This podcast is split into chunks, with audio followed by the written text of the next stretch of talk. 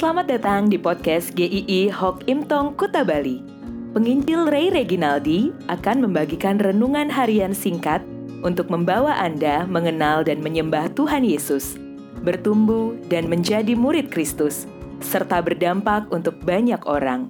Jika Anda merasa diberkati melalui renungan ini, silahkan bagikan podcast ini agar orang lain juga diberkati. Inilah renungan hari ini.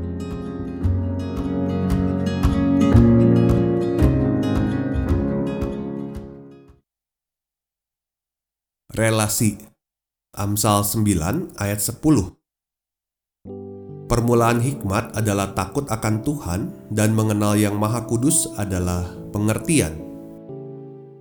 Satu kali ada seorang pemuda yang baru saja membeli makanan, kemudian dia membawa makanannya di dalam sebuah baki sambil berjalan.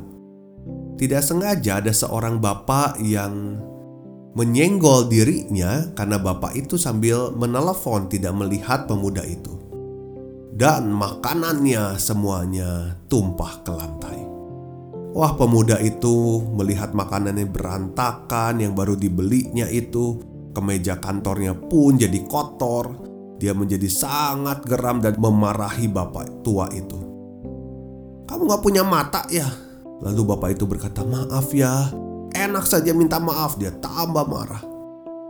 Ketika sudah dimarahi begitu rupa, satu hal yang tidak pemuda ini sadari adalah bapak itu adalah pemilik perusahaan dari tempat pemuda itu bekerja. Singkat cerita, ketika pemuda ini mengenali siapa yang dihadapannya, dia langsung berubah sikapnya. Dia tidak enak. Dia tidak enak hati. Sangat-sangat tidak enak. Kalau kita melihat pengenalan manusia akan orang lain, biasanya akan menentukan bagaimana dia bersikap.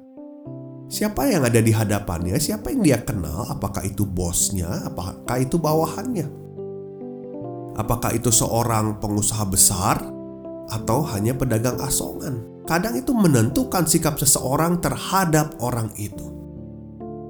Padahal sesama manusia pada dasarnya juga sederajat sama dengan pengenalan Anda akan Tuhan akan sangat menentukan dengan cara seperti apa Anda akan menjalani hidup. Permulaan hikmat adalah takut akan Tuhan. Takut di sini bukan takut seperti teror, juga bukan didefinisikan hanya sekedar hormat atau respek. Tetapi takut di sini adalah di antara kedua hal itu takut akan Tuhan, mengenal siapa Tuhan, otoritas Tuhan yang ada di dalam hidupnya, maka hidupnya ditundukkan kepada otoritas Tuhan. Apakah Anda memandang Allah memiliki otoritas tertinggi dalam hidup Anda? Jika iya, maka hidup ini tidak akan dijalani dengan sembarangan. Bahwa hanya memikirkan diri sendiri dan tidak peduli dengan apa yang Tuhan kehendaki. Tetapi hidup ini akan dijalani dengan penuh perhatian pada kehendak Tuhan. Apa yang Tuhan inginkan.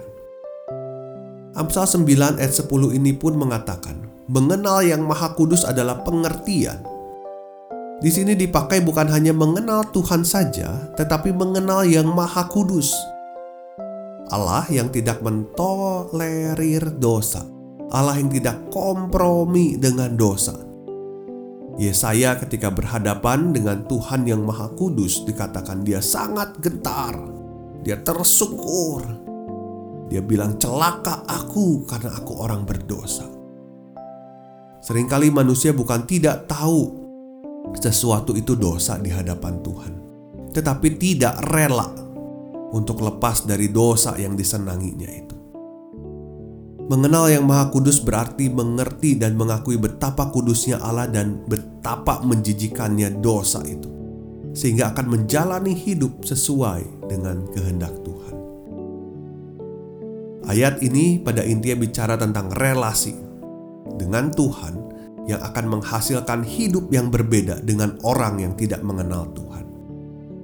Ketika Tuhan Yesus datang ke dalam dunia, Dia bukan hadir hanya sebagai tokoh agama, tetapi kematian dan kebangkitan Tuhan Yesus adalah untuk mengubahkan hidup manusia hidup yang diikat oleh dosa, diubahkan menjadi hidup yang baru, hidup yang jauh dari Tuhan, diubahkan menjadi hidup di dalam jalan Tuhan. Jadi, mari kita lihat relasi dengan Tuhan bagaimana. Apakah sehat atau sedang buruk? Jangan biarkan relasi dengan Tuhan itu terus memburuk. Jangan tinggalkan ibadah di hadapannya. Jangan abaikan waktu teduh bersamanya. Semakin relasi memburuk dengan Tuhan, maka semakin jauh juga kita akan berjalan dari kehendak Tuhan. Mari, apa pun yang dilakukan di dalam hidup ini, lakukan dengan benar, tidak dengan asal-asalan karena Dia adalah Allah yang kudus, Allah yang memegang otoritas dalam hidup kita. Setiap pemimpin ada panggilan dari Tuhan yang harus dikerjakan. Besok kita akan bahas tentang pemimpin Kristen. Sampai jumpa besok. Tuhan memberkati.